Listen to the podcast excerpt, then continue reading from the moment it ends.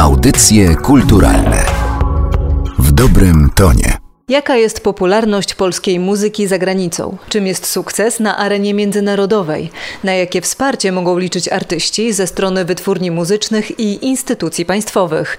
Między innymi na te tematy dyskutowali goście drugiej edycji konferencji Music Export zorganizowanej przez Ministerstwo Kultury i Dziedzictwa Narodowego, Narodowe Centrum Kultury oraz Miasto Stołeczne Warszawa.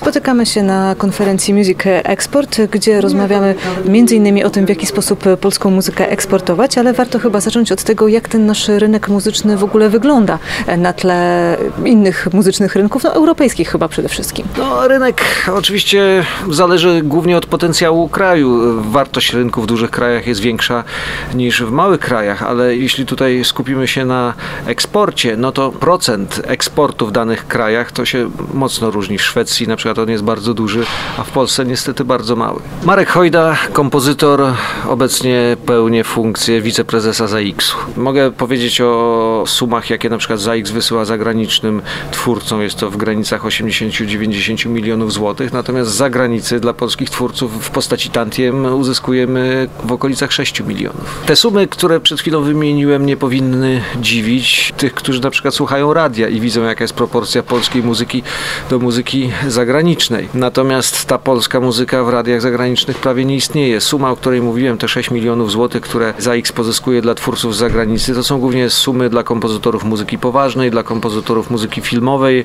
czy też dla twórców muzyki, która jest grana przez polskie zespoły za granicą. A strasznie mała część tego pochodzi z zagranicznych rozgłośni radiowych, czy z serwisów streamingowych i innych serwisów cyfrowych. Czyli ta muzyka nasza za granicami, mówię o muzyce rozrywkowej, w zasadzie nie istnieje.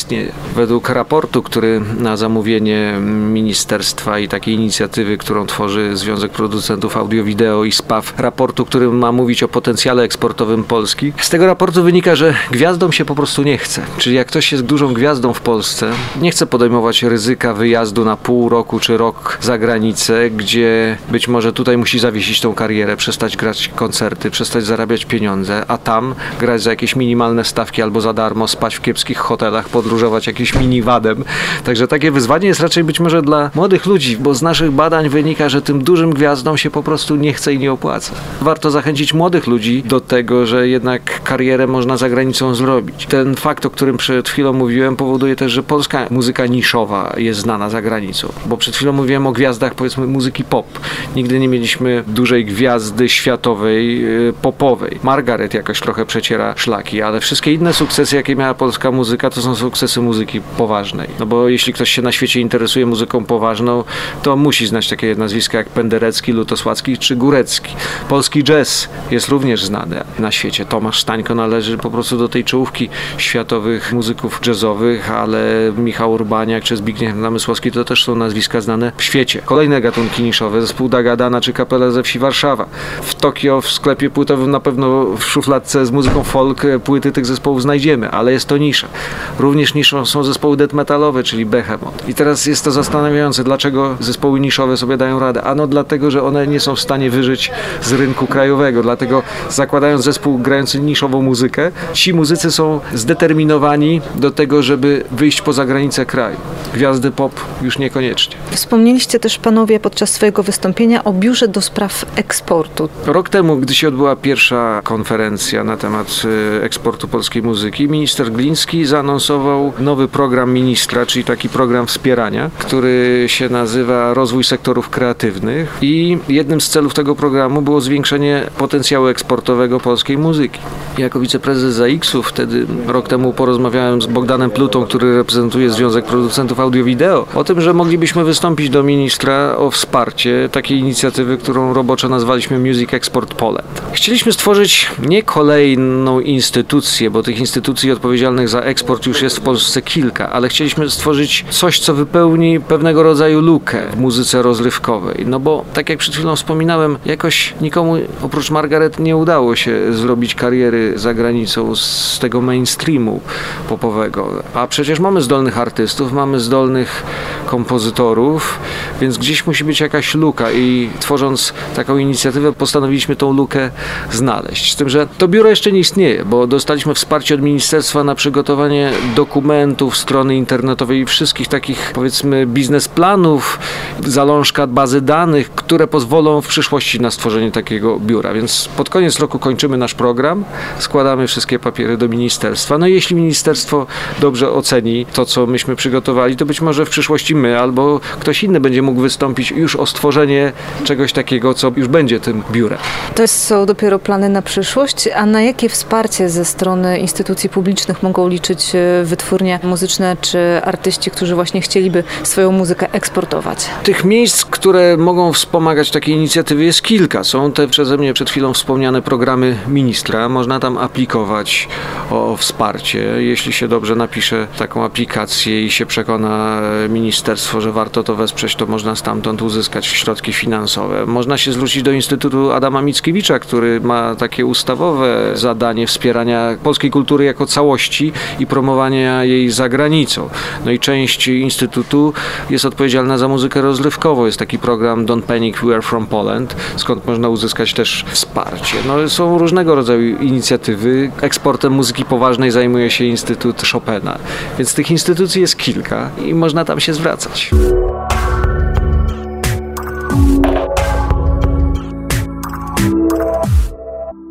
Ponieważ panel, w którym e, brał Pan udział, nosił tytuł e, Eksport muzyki rola wytwórni, to chciałabym zacząć od tego, jak Pan widzi e, rolę wytwórni w promocji polskich artystów poza granicami kraju. Znaczy od samego początku, kiedy podpisujemy kontrakt z artystą i widzimy potencjał międzynarodowy, to staramy się zainteresować tym artystą, jego piosenkami. Nasze oddziały na całym świecie, których jest ponad 40. Piotr Kabaj, szef Warner Music Poland, a także szef na Europę Wschodnią Warnera. No i prezentujemy tę muzykę na różnych konferencjach, wysyłamy za pomocą naszych specjalnych portali i staramy się ich wydać za granicą. No ale rzadko kiedy ktokolwiek jest zainteresowany naszymi artystami. A czy taki potencjał międzynarodowy można w jakiś sposób zdefiniować? Głównie trzeba śpiewać w języku angielskim i biegle.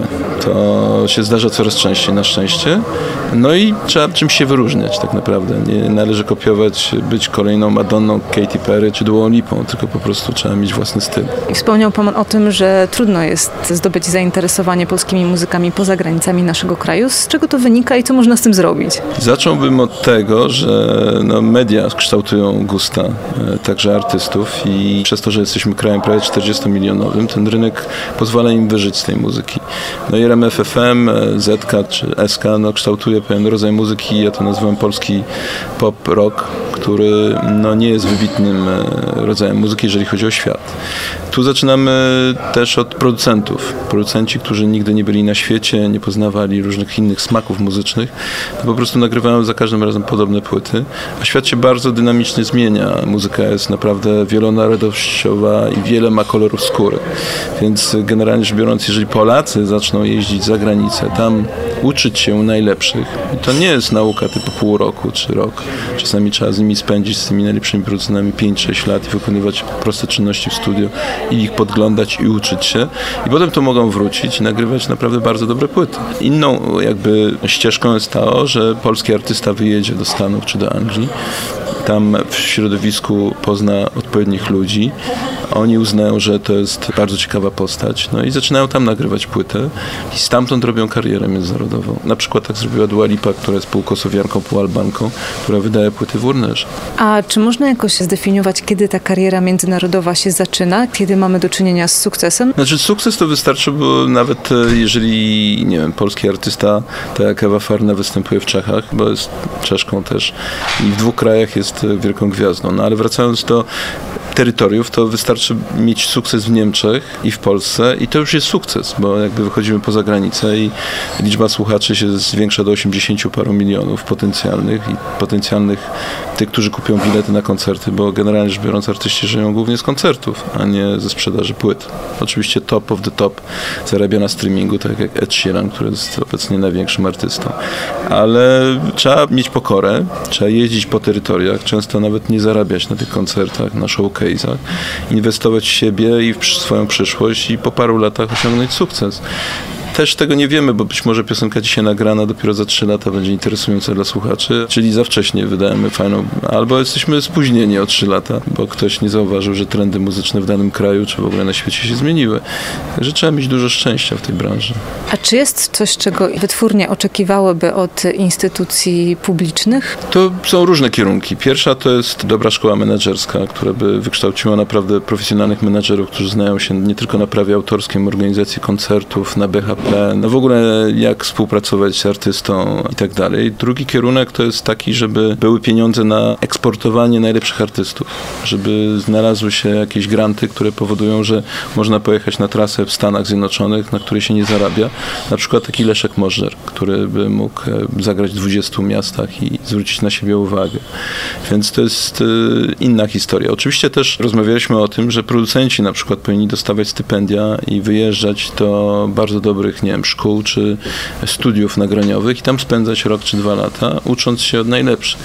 I to byłoby finansowane przez państwo. Zresztą takie sytuacje są na przykład w Szwecji, bo tam Ministerstwo Gospodarki zajmuje się takimi sprawami, inwestuje w producentów, autorów, kompozytorów i wysyła ich w świat po to, żeby uczyli się od najlepszych i dzięki temu przychody z praw e, czy mm, licencyjnych, czy autorskich w Szwecji są bardzo wysokie, bo te pieniądze potem wracają z wielokrotnością. W tej branży zainwestowana złotówka czasami daje 4-5 zł po paru latach i to jest najlepsza branża do inwestowania. To ani zbrojeniowa, ani nie wiem, tak zwane fast consumption goods nie przynosi takich dochodów e, jak branża kreatywna. I czy możemy myśleć o tym, że za jakiś czas e, dogonimy taką Szwecję, bo goście z Belgii tutaj nam e, zwrócili uwagę na to, żebyśmy nie patrzyli tak pesymistycznie na nasz rynek muzyczny, że wcale nie jest z nami tak źle, jak może nam się wydawać. Znaczy mamy bardzo dużo uzdolnionych artystów, bardzo dużo bardzo zdolnych e, muzyków i potrzebujemy tej kropki na D. Więc no ja od 27 lat pracuję w tej branży, udało się wypromować Edytę Górniak,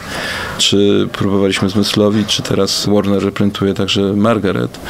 Więc staramy się znaleźć takiego artystę i to jest moje marzenie, żeby był jakiś polski artysta, który osiągnie karierę na całym świecie i będzie jeździł od Japonii poprzez Stany Zjednoczone i będzie dawał koncerty.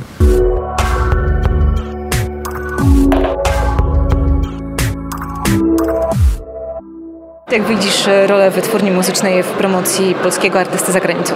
Rola wytwórni może być i duża, i mała, może jej nie być wcale, co nie przeszkodzi artyście osiągnąć sukces za granicą, może być też ogromna. Olga Tuszewska, menedżerka Brodki, wytwórnia Kajaks. Jeżeli chodzi o moją pracę z Brodką, postawiliśmy na wytwórnię, która ma właśnie ogromne doświadczenia y, międzynarodowe, czyli Play Again Sam, bo stwierdziliśmy, że takie wsparcie nam się przyda. Staramy się też jako Kajaks cały czas pogłębiać tę wiedzę. Natomiast jednak wydaje mi się w tak zwanym wychodzeniu za granicę, przynajmniej jeszcze z Polski, chyba menadżer, management jest taką siłą napędową, która jest najważniejsza. Ale oczywiście wszelkie wsparcie mile widziane, dobrze się zabezpieczyć z każdej strony, mieć i agenta, i publishera, i wytwórnię, która ma kontakty międzynarodowe i tak dalej. Im większy team, który ma ten sam cel, tym lepiej, ale dróg osiągnięcia tego celu jest mnóstwo, a przepisu nie ma. Każdy działa inaczej. Wszyscy badamy ścieżki jeszcze nie przetarte. Bardziej przetarte mają te ścieżki nisze, bo polski jazz, polski metal, polska muzyka filmowa już sobie świetnie radzi, jeżeli chodzi o ten mainstream, o pop, o alternatywę. Tu jeszcze wszyscy nie do końca wiemy, co robimy, ale staramy się. My z Brodką postawiliśmy bardziej na jeżdżenie po showcase'ach i przez trzy lata objeździliśmy tych showcase'ów dziesiąt po całym świecie. Niektóre coś ciekawego przyniosły. Z każdego coś na pewno wynieśliśmy jakąś naukę, co nie znaczy, że po każdym showcase'ie od razu pojawiała się jakaś niesamowita propozycja. Nie. A takie podejście, że jednak najpierw radia, najpierw hit, a potem jeździmy, jest drugą ścieżką, ale ja wychodzę z założenia, że staram się działać w każdą stronę. Nie ograniczam się. Coś wyjdzie z tej strony, super, to idziemy dalej, coś wyjdzie z tej, super.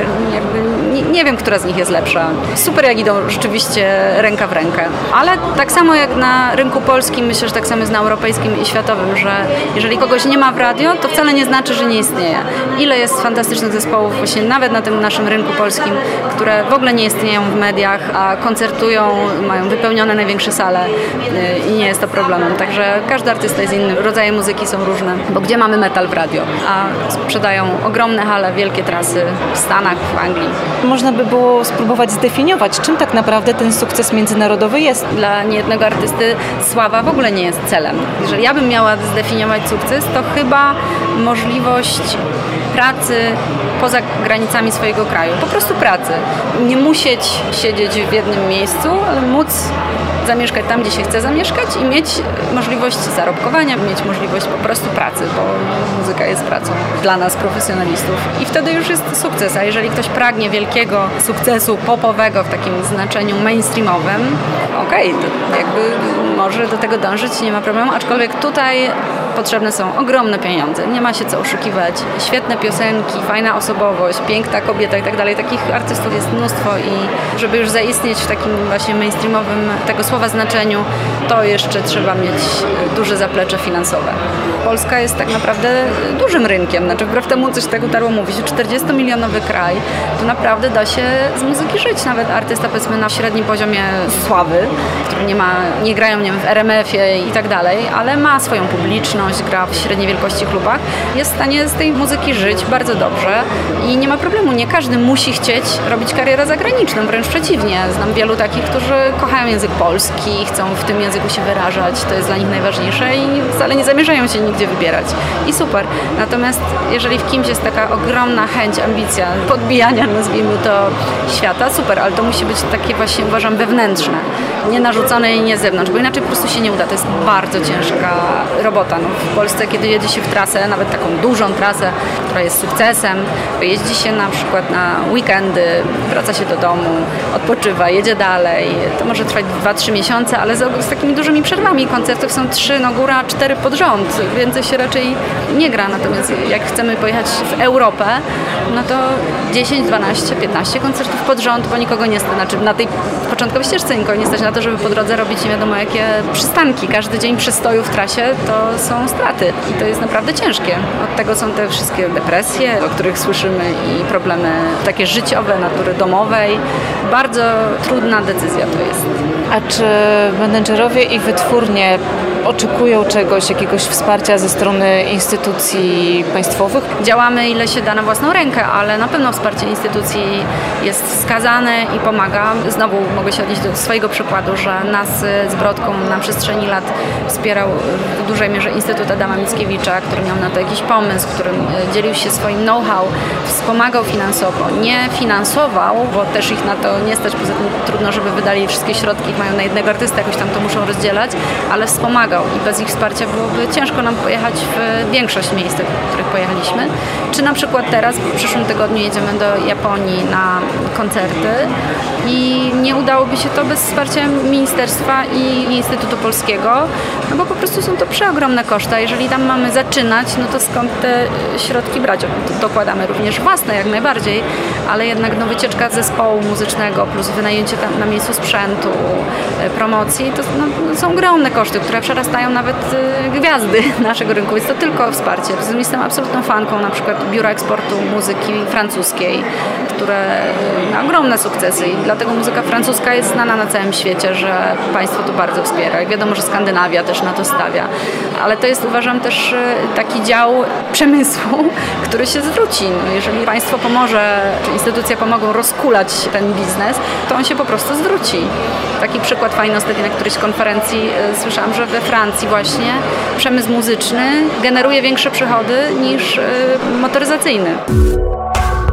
Audycje kulturalne w dobrym tonie.